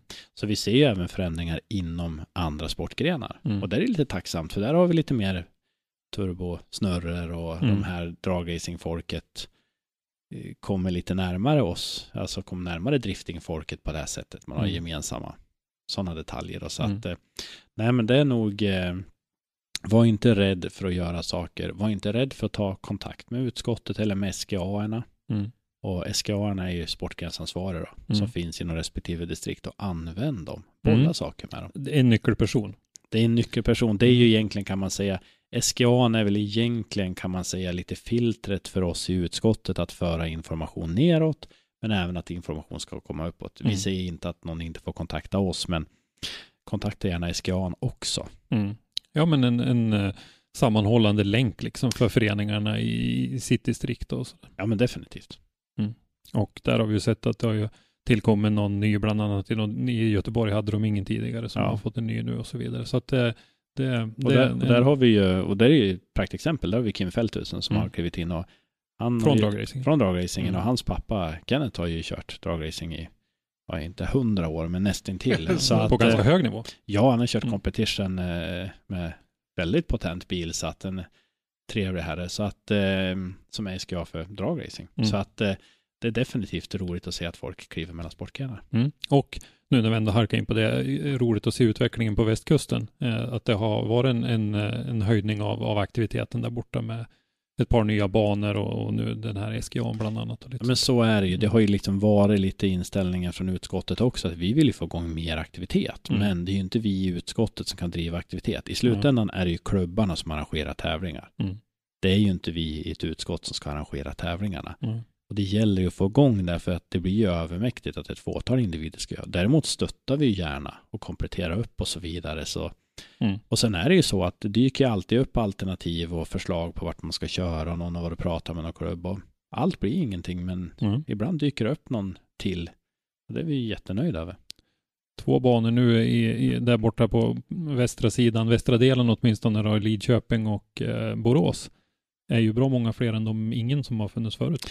Ja men, så är det, ja men så är det definitivt. Och vi Mm. ser ju det att har vi en bana i ett område så kommer det ju fler aktiva i Mm. det området för att Ja. ha någonstans att köra. Så att eh, Vi har ju haft eh, Mårten Stångberg och Pontus Hartman och ett gäng till där borta som har hållit till på, på hög nivå så att säga. ja, Men det är ju för att få till bredden och sen ytterligare höja den högsta nivån också så, så är det ju viktigt att få bredden. Jo, men det vi pratar lite om det här, vad kan förarna göra? Och jag tror att ska vi få förare som är bättre, dels prestandamässigt, men även säkerhetsmässigt, så handlar det om sätestid. Mm. Det handlar om Mm. att få en rutin att köra. För när du får en rutin att köra, då får du en rutin att krascha. Mm. Så är det, för det händer saker. Då Mm. får du en rutin att evakuera bilen, då får du en rutin att kolla igenom dina säkerhetsutrustningar, Mm. se vad som funkar och inte funkar. Det är ju därför förarna liksom i USA oftast är bättre på säkerhetsgrejerna än vad vi är i Europa för att Mm. de kraschar så ofta. Mm. Så de är rätt så vana. att- Mm. Och därför har de skaffat jättebra säkerhetsutrustning. Mm. För de vill kunna fortsätta köra. Så det är liksom två läger, de som har kraschat och de som ska krascha. I USA är det mer ett läge, det är att alla har kraschat. Nej men det, det händer mycket, men de kör ju så mycket, mycket mer. Alltså det, är ju, det finns ju Mm. ett helt annat klimat liksom. Jo. Stora tävlingar varje helg, det är bara att åka och, och Ja, runt. men det såg vi ju senast nu under FD när det var Mm. Na- Nascar-träning runt omkring hela FD-banan. Ja, ja, och det är Nascar-träning på varenda liten bana hela tiden. Det är Mm. liksom med Nas- Nascar och Arca och alla underserier och det är gigantiskt. Jag fick en siffra, i USA finns det alltså 80 000 registrerade dirt track-förare. Mm. Sug på den Oj. siffran. Mm. Det är liksom, då, då förstår man hur stort det är. Ja, hur många medlemmar i SPF som... som Ja, jag tror man pratar om, eh, man pratar väl om ungefär 100 000 eh, i rörelsen eller någonting sånt där. Mm. Här har vi förare. Jag tänkte hur 80 000. många aktiva förare är det i SPF? Det kan inte ens vara en... Nej, det är väl, jag tror det ligger någonstans 10 20 000 med licens eller någonting Mm. sånt där om man slår ihop det. Mm. Så, så det, är, det är såklart det händer mer saker. Jo, jo. Så är det. Eh, som sista punkt så ska vi gå in på det här med nackskador. Och eh, det är ju en allvarlig form av eh, skada och eh, det är inte helt ovanliga skador tyvärr. Eh, berätta lite grann om hur du har jobbat med det och hur du har kikat på det. Nej, men det var ju så här att när, när jag började åka över till, till USA på de här konferenserna, då pratade vi mycket nackskador. Det var otroligt mycket nackskador. För det här var ju introduktionen av, av Hansen på den tiden och hybriden var ju, var ju på G in. Den var ju, så i USA var den ju släppt. Men det tog ju, det var ju lite politik bakom att den fick sin FIA-stämpling. Mm. Jag tror om jag inte missminner mig helt fel så hade man pappret klart, men jag tror det tog fem eller sex år innan man fick pappret i sin hand. Mhm. Så det var, ja, det fanns lite debacker där. Men i alla fall, och då pratade man väldigt mycket om nackskador. Då egentligen, vi spenderade liksom hälften av konferensen och bara prata om det här. För det är ju så i slutändan att innan vi hade nackskydden så var det ju så att vi spände fast kroppen. Det var helt okej, det hade vi lärt oss göra. Mm. Sen eh, eh, så när vi väl kraschade och när det drog iväg, då mm, stack ju huvudet iväg. Och sen fick vi de här nackskadorna då. Mm. Och vi såg ju allvarliga, allvarliga problem med det här. Och man ser till exempel Dale Earnhardts krasch. Jag har fått möjligheten att se bilder från den utredningen och eh, ja, man kan väl säga att en nackskydd hade nog varit till en stor fördel för, för den herren i det, i det skedet. Då. Och det, då insåg man ju liksom att vi måste göra saker. Och då kom ju först Hans-skyddet in då och sen kom ju hybridskyddet in då. För att egentligen hålla fast huvudet vid kroppen. Mm. Det har ju egentligen ingen annan funktion än att inte se till att huvudet försvinner från kroppen vid en krasch. Ska du beskriva dem lite kort för de som inte är helt eh, svängda med terminologi? Ja, egentligen kan man säga Hans då står ju för Head and Neck eh, Protection System. Och eh, är ju egentligen som ett kolfiberok som vilar på axlarna. Och från det kolfiberoket spänner man fast det i underbältet. Och eh, sen går det egentligen en stropp på varje sida från det här kolfiberoket upp till ett fäste i hjälmen. Som gör att när du kraschar så håller de här stropparna kvar i hjälmen eh, vid en viss längd så att alltså nacken inte kan sträckas ut då. Mm. Hybriden bygger ju på samma sätt. Enda skillnaden var att Hanset är ju konstruerat för formelbil i grund och botten. Vilket innebar att det skyddar ju, det har ju en stropp på varje sida och skyddar ju inte för sidosmällar på samma sätt. Utan de måste ju åka med så speciella hanstolar då. Eh, dels så ska det finnas en urgröpning bak i ryggen, är viktigt för en hanstol. Och sen ska det finnas öron på sidan som absorberar sidosmällarna. Mm. Men det var ju svårt att åka med det i Monster Truck, Dirt Track, eh, Buggy Racing och allt annat fränt som de gör i USA. Mm. Och då kom ju den här herren Trevor Ashline på hybridskyddet då. Som är som en väst du spänner på dig istället. Lite mindre kolfiberdel du har vid- axlarna. Mm. Men att där har du ju istället två remmar. En rem som på varje sida som tar smällen framåt och en smäll som tar energin åt sidan. Mm. Så den är inte vinkelberoende på samma sätt då. Ja. Dessutom är ju nackdelen med ett hansskydd är att hansskydd är ju gradberoende. Så beroende på hur jag sitter i min bil så måste jag ha olika skydd. Nu har det ju kommit Hans Adjust då, som man kan reglera också. Men Mm. kör jag en formelbil då ligger jag ju nästan ner. Mm. Sitter jag och kör Nascar, så jag har ju sett liksom, de sitter ju upp nästan framme vid ratten, liksom real Nascar-style. Mm. Och du kan ju inte ha samma skydd om jag kör en formelbil på måndag och kör en eh, stockcarbil på fredag. Då måste jag ha två olika skydd. Mm. Medan hybriden är ju inte vinkelberoende. Utan den kan du ha oavsett vilken vinkel du har på bilen. Så för sådana multiförare som kör lite olika så är hybriden överlägset på det sättet. Då. Sen är det väl smidigare att ha en hybrid på. Så Alltså en, en Hans Device är väl ganska klumpig. Kän, alltså det, Den- den, känns klumpig. ja. In, inte viktmässigt, men den är ganska otymplig om man säger så. Då. Det är nog också en, en vanesak. Liksom. Är du van att använda Hanset så, vi kan ju titta till exempel F1 så det är ju ingen som åker med hybrid. Nej, nej. All, alla åker ju med Hans. Alltså man lär sig åka med det, man lär sig att hantera det. Det finns vissa fördelar, jag vet till exempel när vi testade ut för, för Johan Kristoffersson och eh, Rickard Göransson så gnällde de väldigt mycket på att remmarna skavde. För de var ju de var ju så vana att ha det här stora kolfiberåket över. Så fick de en Mm. hybrid som var lite smidigare och de hade ju inte känt det tidigare. Så vissa tycker om hybriden, vissa tycker om Hansskyddet. Vi kan väl inte se att det har blivit en radikal skillnad i, alltså att det har minskat nackskador för att fler åker med hybrid mot Hans. Alltså man ska ju välja det skyddet som funkar, men man ska ju ha hela systemet. Mm. Eh, Men absolut, hybriden är ju smidigare skulle jag vilja säga ur evakueringssyfte. Den är smidigare ur oss i ett räddningssyfte för du kan ha skyddet kvar medan du stabiliserar och tar ut en person och spänner fast den på en bräda och gör sådana grejer. Men Hanset måste vi ta av. Det kan du ju inte lägga ner någon med. Så hybriden är väl att föredra om man ska, om man ska välja ett skydd, en smidighet. Eh, sen eh, finns det ju massor med olika modeller. Så är det ju. Sen ska Mm. man ju veta det att det är ju, Simpson äger ju både hybrid och Hans. Så att det är ju Mm. det är egentligen samma företag som äger rättigheterna till, till bägge skydden. Så det finns liksom ingen konkurrensfaktor där. Men, men inom, inom driftingen, jag, jag kan inte komma på att jag någonsin har sett någon kört driftingbil med en Hans. Jo då. Jag kan inte komma på en enda förare. Så att jag, jag tycker i stort sett alla Jo, men det springer tror jag, det Vem- har jag sett i STC. Jo. Vem då? Jag, jag kommer att tänka på inte Pontus Furbring. Men, eh, Ja, jag vet det. Men jag har, jag har sett dem på, på driftingtävlingar. Ja, så är det. Ja. Jag kan inte komma på det. Det är, det är klart, man ser ju oftare folk som går omkring i depån med sin Ja, men- hybrid sittande på sig. Det är ju väldigt ja, sällan men- någon knatar runt i depån Nej, men det gör man, Hans. inte. Det gör man inte. För det är det som är skillnaden. Och det, det är nog det som Mm. gör att man tänker på dem. Hybriden bär du upp i kroppen. Ja.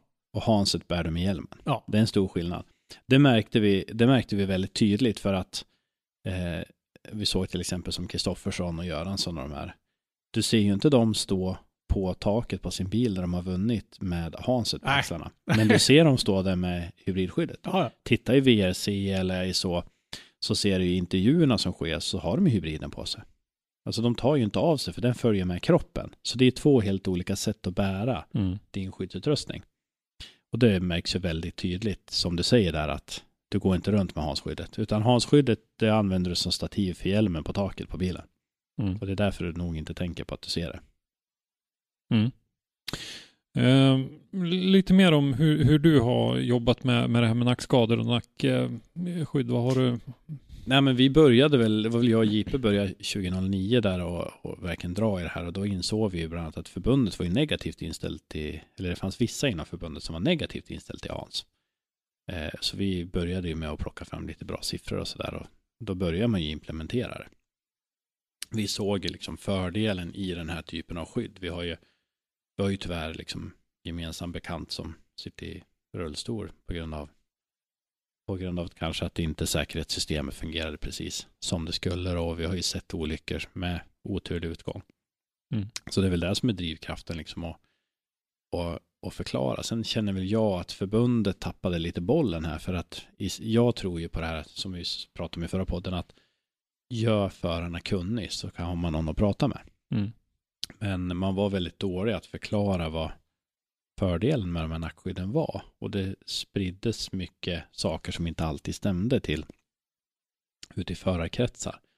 Istället tycker jag att man måste ju alltid kunna försvara, förklara eller lägga sig platt. Liksom. Man måste kunna ta den diskussionen om, om när man ska implementera en sån här utrustning. Mm. För det innebär till exempel att du kanske inte kan ha din hjälm. Du måste köpa en ny hjälm för att ska Mm. ha rätt fästen. Mm.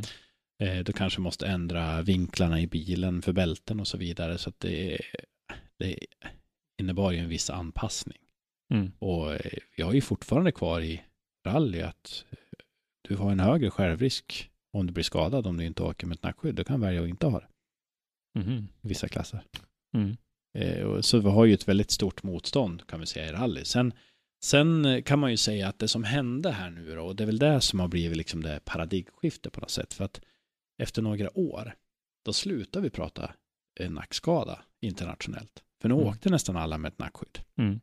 Utan nu börjar vi prata hjärnskakning. För nu såg vi det att visst på ett sätt att du låser ju fast kroppen och energin färdas ju inåt. Så Mm. vi såg att det börjar komma mer hjärnskakning. Sen har det ju även att göra med att förr i tiden du brydde dig inte om hjärnskakningen när du bröt nacken. Nej. Nej. Så att vi, Nej, titt- exakt. alltså vi tittade inte som en referens efter hjärnskakning. Nej. För hjärnskakningen var det lilla när du en dag bryter nacken. Ja, det är ju såklart att han har ont i huvudet när du bryter nacken, grabben. Eller tjejen liksom. Så Mm. att det, det blev liksom, så att, eh, och det kan jag väl känna ibland att det förvanskas lite när vi har pratat om det, att det handlar ju inte om att hjärnskakningarna har stigit jättehögt, utan det Mm. handlar ju helt enkelt om att nu märker vi hjärnskakningar. Vi är också väldigt mycket duktigare på att diagnostisera dem Mm. gå och prata med, vi tar till folkrace till exempel, gå och prata med folkraceförare om de har skador. De som har kört som kanske idag är 50 bast. De flesta har ju någon form av liksom, "Ah, jag har ont i nacken eller "Ah, det där är ju bökigt eller jag har Mm. ont där.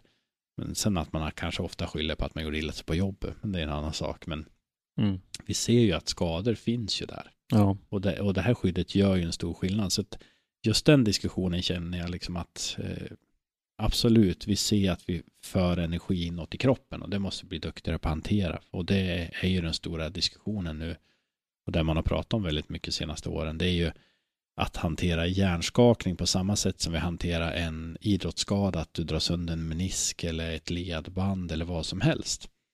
Eh, och det är ju så man rehabiliterar det nu, att man kommer eh, man kommer efter en skada och så kanske man säger så här första veckan, du får inte läsa, du ska inte anstränga ögonen, du ska inte göra, utan du ska bara ligga och vila. Mm. Efter en vecka då kanske du ska börja läsa lite, kolla lite lätt på tv, men bara lite kort. Vecka två, då kanske du ska börja med lite korsord och sudoku och läsa lite mer och så rehabiliterar vi gärna på samma sätt som vi rehabiliterar kroppen. Att du kanske ska börja med att ta lugn promenad och sen ta lite längre promenad och sen kan du jogga och sen kan du springa och så vidare. Inte 9-10 timmar datorarbete direkt. Nej, men, efter. nej, för att eh, hjärnan funkar ju på Mm. samma sätt som eh, kroppen, alltså resten av Mm. kroppen fungerar och det har man blivit duktigare på. Sen så tittar man ju även på diagnostisering av det här. För de gamla läkarna, de var, de var inte tränade för att söka efter hjärnskakning. Men idag så är det naturligt och då har vi vissa, vissa system där man eh, tittar på, det finns ett som heter Kings DeWick-testet, där du gör typ en baseline att eh, i början av, i de första testerna, så i början av året så fick du göra ett liksom enklare prov med lite sådana här logiska frågor.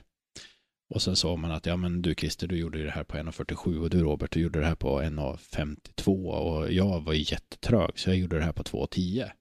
Och sen efter man har blivit utsatt för en smäll, där använder man främst i amerikansk fotboll och så vidare. Då fick man gå in och göra det test igen. Och så tänkte man, ja men det är kanske 10% långsammare för du är ju lite det är lite trött, då har jag ansträngt det. Men om det visar sig att du gör, Robert gör testet på två och en halv minut, medan du gjorde ju testet på samma tid som jag tidigare, då kanske det är så att du har en påverkan på din hjärna. Och då pratar man ju det som hjärnskakning, sen pratar man om det som kallas för MTBI, Mild Traumatic Brain Injury, som är steget innan hjärnskakning. Och det som händer är att vi har ju samma problem idag i motorsporten som man kan se man haft i hockeyn och i amerikansk fotboll och det är att unga förare får lägga av för att de har åtdragit sig för mycket smällar Mm relativt tidigt. Till slut säger läkarna. Ganska små grejer var och en av dem, Ja, men, men men det- mängden av dem bygger Ja, till- men det bygger liksom och det, mm. och det är väl där liksom man måste ta tag i och som man sitter och tittar på nu. Hur kan man göra? Skulle vi kunna jobba med mjukare material i hjälmarna så att vi får absorberande eh, i offroad racingen jobbar man med upphängda stolar som i princip är upphängda i som gummiupphängning som dämpar. Det finns Mastercraft, ett företag som jobbar med det där. Alltså, ska vi ha elastiska bälten till en viss gräns för att absorbera energi? Vart ligger vi någonstans? Mm. Och det är väl det som är kanske skiftet nu vi sitter och tittar på. Vart kommer liksom, hur reder vi ut det här? Mm. För det måste ju vara svårt, för nu har vi liksom, som du säger, spänt fast kroppen, vi har spänt fast hjälmen vid kroppen. Mm. Men du har ju fortfarande den här geléklumpen som får att skramla i ditt huvud. Vi kan inte liksom börja spänna fast den, utan då Nej, måste man ju men- försöka absorbera rörelseenergin så att den får en längre bromssträcka. Men där kanske vi kan titta på banorna hur det byggs. Vi kanske ska Mm. ha mer absorberande barriärer. Vi kanske ska ha konstruktionen på bilen kanske ska fjädra på ett visst sätt till att absorbera energi. Alltså hur kan vi göra här? Mm. Så det, är, det är ju ett system alltihop det här. Liksom. Det är såklart att om jag kör raka vägen in, liksom rakt in i en, i en betongmur, då är det såklart att det kommer göra ont. Ja, men ja, jo, det... väljer jag att sätta in, eh, ja vi har ju de som har gjort det i driftingen faktiskt. Eh, Men eh, tar vi liksom och sätter dit lite däcktravare eller sådana här täckbrobarriärer som absorberande, men då tar vi ju bort energin. Mm. Men det såg man ju bara som till exempel Indycar när de gick över till, vad heter de, Safer någonting. Safer barriers ja. Ja, de, ja. ska, de gjorde ju en... Det, det, den, den bidrar ju samtidigt att olyckan ser lite mera makaber ut, för den, den, vad ska man säga, bilen försvinner ju nästan in i en Det- grej som Ja, absorberar. egent- egentligen kan man säga så här att safer-barriären då eh, är ju egentligen, dels har du ju betongbarriären, sen så eh, ungefär en meter utanför den så bygger man upp en ny barriär i metall. Den är ju metall. Ja, Och eh, mellan den här betongbarriären och den andra barriären så sätter man ner cellplastskivor av ett hårdare material. Och det som händer vid en smäll är att cellplastskivan kraschar sönder då. Men Mm. då absorberar ju den upp energin. Mm. Så det är ju en safer barrier. Så de, alltså, de funkar ju jättebra. och den har ju gjort en, den har ju nästan revolutionerat eh, Indycar-säkerheten på något sätt. Ja men så är det och Nascar också, alltså ovalracingen överhuvudtaget eh, i och med att det är så hög energi så eh, så att absolut, vi kanske ska titta vad vi ska göra. Jag vet Fia gjorde ett jättestort projekt för några år sedan, titta på rallysäkerhet och man testar ju alla sådana här dyra barriärer som finns och det slutade med att man kom fram till att höbalar, Mm. det hade perfekt densitet Mm. och det var ju lätt att få tag i och man kan hyra av eh, bonden och går åt pipan så får man ju köpa lös två balar om de gick sönder. Så att ibland kanske inte är de mest exotiska materialen, men vi kanske, det, det är det här jag vill få igång. Jag, jag har väl drivit, skjutit piska på förbundet att vi ska börja tänka mer innovativt kring hur vi gör banorna. Mm. Hur vi gör de här grejerna, för samtidigt är det ju väldigt viktigt att vi inte tvingar folk att köpa jättedyr täckbrobarriär liksom till sin lilla bana och vips så gick ju de där halvmiljonen liksom till Mm. barriär och ingenting annat. Utan att vi kanske kan hitta bra lösningar. Det kanske ska vara så att det finns en central resurs och tillgång till visst mycket barriärer och kunna hyra eller låna eller hur som helst. Man kanske ska ha det i pooler eller resurs. Men kunskapen då, om jag, om jag har en liten bana och vill ha lite hjälp, finns det någon resurs på förbundet att få hjälp av? Vi har, vi har ju, alltså om vi pratar drifting rent generellt, då är det ju hos oss du kommer hamna som banbesiktare. Så Mm. är det, för det finns ingen central resurs inne på förbundet som har hand om de här frågorna. Men om vi tar en annan gren då som inte har dig i Ja, du, du får ju vända dig till banbesiktarna, men tyvärr så skulle jag vilja säga att mycket av sån här specifik kunskap ligger idag inte hos de flesta banbesiktare. För när jag åker till exempel på ICMS, jag är ju den enda svensken Mm. Alltså från det här hållet som sitter där och lyssnar. JP brukar kunna vara inne en sväng på morgonen och sen har jag han möten och grejer och, Mm. och jobba på med. Och, Fast han har ju ett, ett annat intresse i det som, som eh, en, eh, ska man säga, en, Aktör, ja. ja. men som en Ja. aktör själv i det. Men så är det ju. Så att, eh, så att, inte att förringa hans kunskaper och hur han Nej. delar med sig av dem, absolut inte så, men, Nej, men, men, han har, det, men det är han- ju ändå inte förbundet. Nej, nej, men alltså från förbundet sitter ju ingen där. Nej. Utan det är ju jag som sitter där. Jag får ju oftast bekosta mina egna resor dit också. Så det är ju inget förbund som betalar mina resor. Nej, det, de har ju andra resor att betala. Så att, Ja, och där kom den. Ja. ja, och de åker ju också till USA. Mm. Eh, men det är en annan sak. Mm. Nej, men alltså visst är det så. Det kan ju kännas lite tråkigt att man åker och sitter och tar del av all den här kunskapen. Och jag har ju många gånger försökt, när jag har fått med mig den här kunskapen, att få dela med mig av den här kunskapen. Men det är inte alltid så lyhört. Nej. Så det är väl det jag kan känna. I, för jag ser ju lite, lite möjligheter. Ja. Nu, nu pratar vi, vi har ju precis eh, presenterat ett nytt samarbete med, med Gatubil som promotor Mm. för eh, SDC 2021. Är så här, Ja, men va? 2020 Ja. har vi glömt, eh, men, men 2021. Och eh, där pratas det bland annat om en mediadag på Mantorp Park. Mm. Eh, att ha en, en föreläsning om säkerhet eh, ser jag som en möjlighet för förarna som är där och, och sådär att man, man låter de här bitarna ta plats. Liksom jag kommer ihåg för ett antal år sedan när jag var på RM-finalen på Gröndal. Mm. Eh, 2017 var väl det. När Jim Olofsson höll ett föredrag om det här med att hålla en, en, en, en, långsiktigt hållbar satsning Mm. på sitt driftande och så vidare för de här yngre RM-killarna då, som var på väg upp lite så att, att vi blir lite bättre på att dela med oss av varandras kunskaper. Ja, men absolut. Jag känner väl själv att jag har väl kanske på något sätt, ja, ska vi säga, jag har väl insett att nu har jag kanske slagits med de här väderkvarnarna i 18 år och ibland är det väldigt tungt och det är Mm. svårt att få gehör. Så är det och kommer man från fel klubb eller fel sportgren eller man har en åsikt som inte alla andra alltid står bakom så, så är det svårt att få gehör. Mm. Så att det vi håller på att göra nu till exempel är att vi är precis i uppstartningsskede av en, en akademi. Jag har med mig en jätteduktig läkare som brukar på Mantorp som heter Robert Larsen. Som heter R2 Akademi och vårt syfte är att utbilda bara på den här biten egentligen. Och vi kommer även att göra tester på bilar och eh, ta fram rekommendationer och sånt. Så det, det kommer att smyga fram. Så det kan jag rekommendera att eh, hålla ögonen öppna efter det. Så det, det kommer att komma lite artiklar och vi har en målsättning att hålla någon form av säkerhetsdag under våren beroende på hur det blir med covid. Mm. Det är även väldigt svårt att driva en verksamhet just nu med, Jo. en, med en intensivvårdsläkare eller anestesiläkare från Östergötland. Han, han har lite andra saker att göra ibland. Ja, Så att, men, men syftet är att vi ska kunna köra en, en säkerhetsdag för promotorer, banägare och så vidare Mm. under våren och där skulle det inte helt otänkbart att man kan göra en sån sak med förarna också liksom och, Mm. och titta på det. För jag tror att det handlar bara om kunskap och få ta del av kunskap och det känner jag där har förbundet varit dåligt att dela med sig av kunskap. Det var ju därför 2009 jag och JP drog igång föreläsningsturnén. Mm. För att vi insåg ju att det fanns en jättestor efterfrågan på kunskap. Det fanns ingen som pratade om det. Förbundets sätt att utbilda då var att man sa att nu arrangerar vi en kurs i Falun. Det kostar 350 kronor att delta och det är precis det här datumet. Mm. Och det kom inga folk. Nej. Det var väldigt få som kom. Vi vände på det. Utan vi sa så här istället att eh, vi ringde upp klubbarna eller vi ringde upp den där lilla banan så, så sa vi vi kommer till er. Mm. Får vi komma till er och prata säkerhet? Ja, det får ni göra. Mm.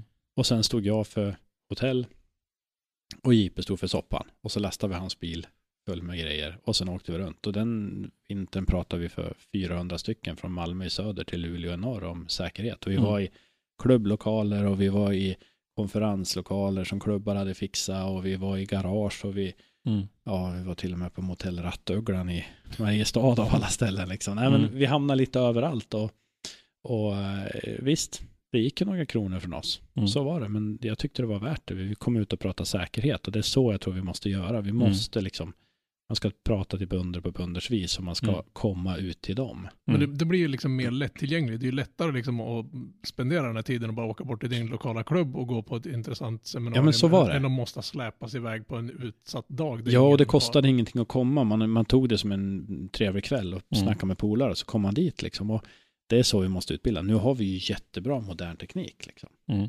Så nu sitter vi här och spelar in en podd och Mm. Eh, jag ja, men föreläser ibland och då gör man det med en green screen. Och, Mm. eh, ja, men, jag föreläser på ICMS och då föreläser man liksom för folk ifrån 25-30 olika länder totalt, liksom nästan 150 stycken i massa olika sportgrenar och det kan jag göra liksom från mitt hemmakontor. Mm. Så vi har en helt annan teknik att nå ut med kunskap idag än vad vi har haft. Det jag Jo. kan känna är att den här tekniken skulle man behöva använda mer effektivt.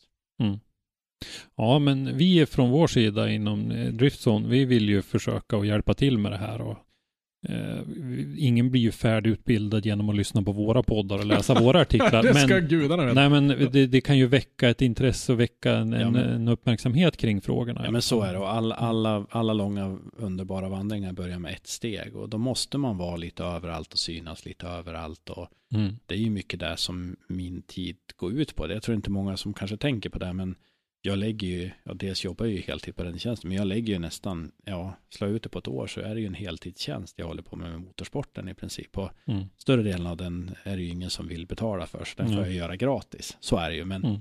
jag tycker fortfarande det är jätteviktigt att, att föra ut det här och, och nå ut till, till alla, ja, men till de som vill lyssna. Sen är det klart Mm. att det alltid finns individer som inte vill lyssna, men den som vill söka kunskap ska kunna hitta kunskap. Mm. Det, så var det för mig när jag började, att jag kom ju in, jag hade gjort lumpen som, som räddningsman och lovade att hjälpa till på en liksom, tävling. Eh, jag bodde ju granne med kassören i Östra Sundsvall då och Mm. det vart en tävling, det vart två tävlingar och sen vart jag tillfrågad att vara med och hjälpa till i klubben. Och sen började jag söka kunskap och jag tänkte Mm. det finns väl här. Och jag gick in på spf.se, jag hittade räddningstjänstreglementet men inget mer. Och tänkte liksom att ja, men kan jag det hemliga liksom dörrknacken, då finns ju det innanför där. Mm. Och jag lärde mig de här hemliga dörrknacken, men det fanns ingenting innanför. Till slut började jag inse att men jag måste ju liksom, vill jag vara med och ha något bättre får jag vara med och hjälpa till själv. Så jag Mm. började ju liksom göra skrivelser och driva det här. Och det är så man måste liksom engagera sig. Jag vill ju att de som kommer nu och vill lära sig, de ska inte behöva göra samma resa som man själv har gjort och söka allt det här. Nej. Men jag fick ju liksom till och med hoppa på ett plan och åka själv över halva jorden för att liksom hitta lite mer kunskap efter ett tag. Mm. Och nu, nu finns det någon som svarar när man knackar. Ja, men ja, det finns väl ingen som svarar när man knackar om man tittar kanske från, från förbundet på det. Men det finns människor, det finns vi som kan svara. Mm. Och, det, och på det sättet är ju sociala medier och internet och det är skitbra. För nu kan man ju faktiskt titta. Nu har ju till och med ISMS en hemsida man kan se saker på. Mm. Coolt. Det är, ja, men alltså det, är lite, det är lite fascinerande hur långt bakom vissa verksamheter kan ligga ibland. Mm. Men det är det, men det är fortfarande väldigt svårt att hitta kunskap. Väldigt mycket av kunskapen sätts i organisationerna. Ta Indycar. Ja, men jag känner några av killarna som jobbar med räddningen där. Men de jobbar ju bara med Indycar. De Mm. delar ju inte någonting. Nascar, samma sak där. De delar ju inte någonting liksom offentligt.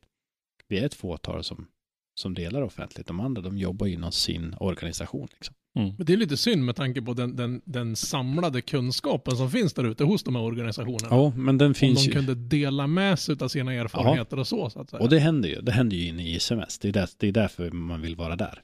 Det är därför liksom det blir liksom en, en kittel. Där inne finns ju Mm. allting. Och det är ju så när man åker på de här konferenserna, då får man ju se till att boka upp. Man har ju liksom, man har ju sitt schema liksom verkligen. Att det är så här att, ja men onsdag, men då vet jag, då käkar man lunch med Simpson. Så är det. Det gör Mm. man alltid. Det har man gjort liksom de Mm. sista åren. Mm. Och så pratar man med dem. Och på torsdag, ja men då har jag bokat in, då ska jag gå ut och äta middag med den. Och på, på, Mm. eh, eller, på, på torsdag lunch, då går jag och käkar med den. Och liksom man bokar ju upp hela, så man ska liksom maximera ut vilka man träffar och vilka Mm. man liksom bygger kontakt med och så vidare. Och det, det gäller ju verkligen det. När man är där de där dagarna, då får man ju vara översocial. Sen Mm. vill man vara undersocial sen ett tag. Ja, ja, men det kan jag tänka mig. Eh, om vi tittar på dig då och framtiden och sådär. Om du fick möjlighet, skulle du vilja jobba med det här i någon organisation?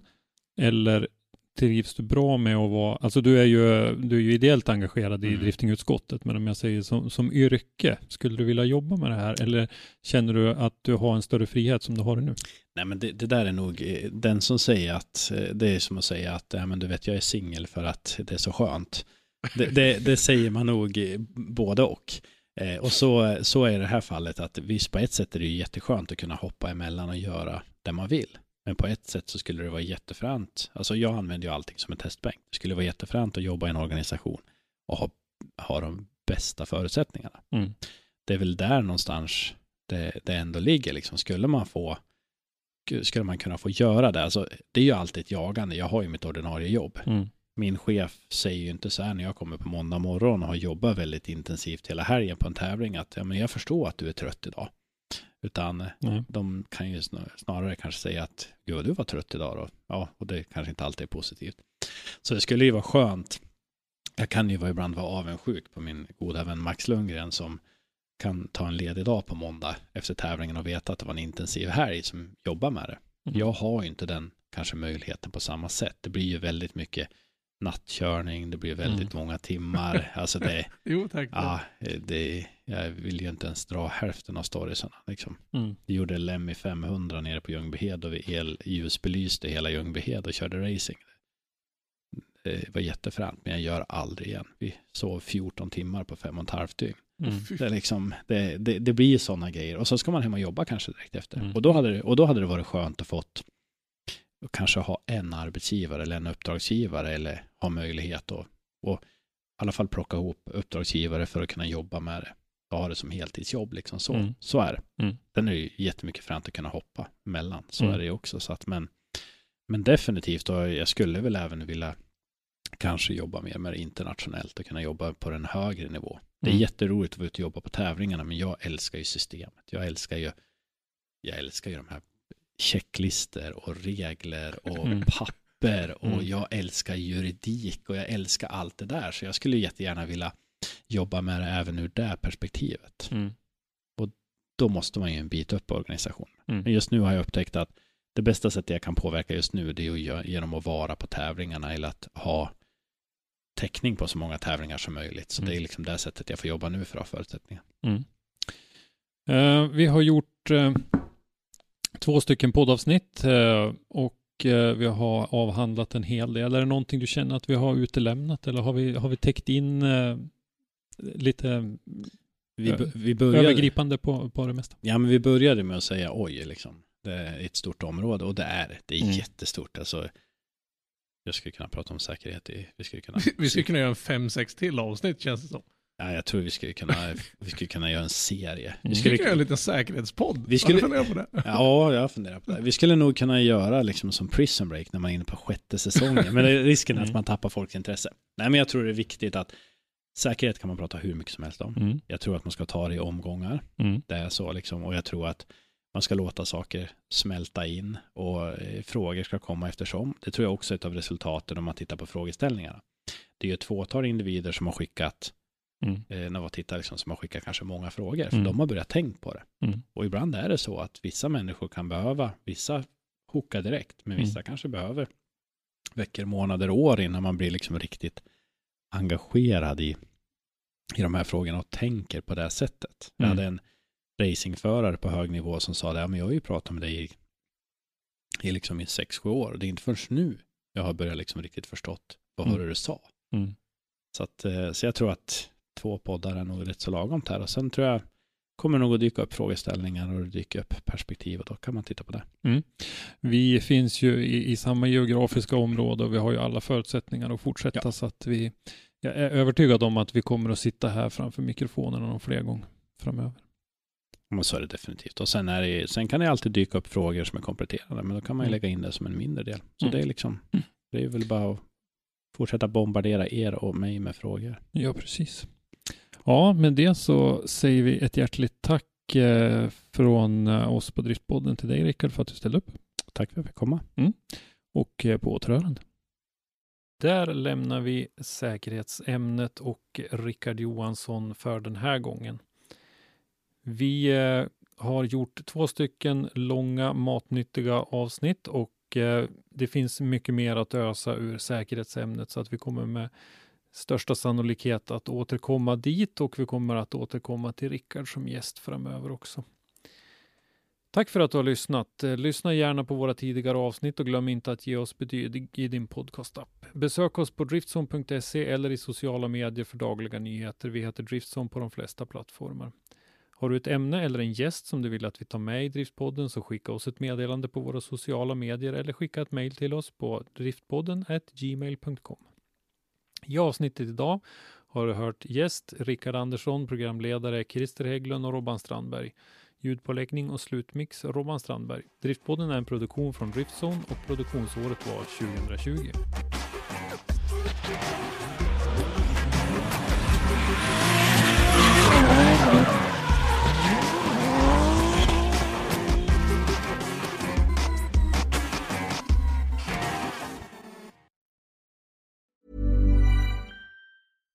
Hi, I'm Daniel, founder of Pretty Litter. Cats and cat owners deserve better than any old fashioned litter. That's why I teamed up with scientists and veterinarians to create Pretty Litter. Its innovative crystal formula has superior odor control and weighs up to 80% less than clay litter. Pretty Litter even monitors health by changing colors to help detect early signs of potential illness. It's the world's smartest kitty litter.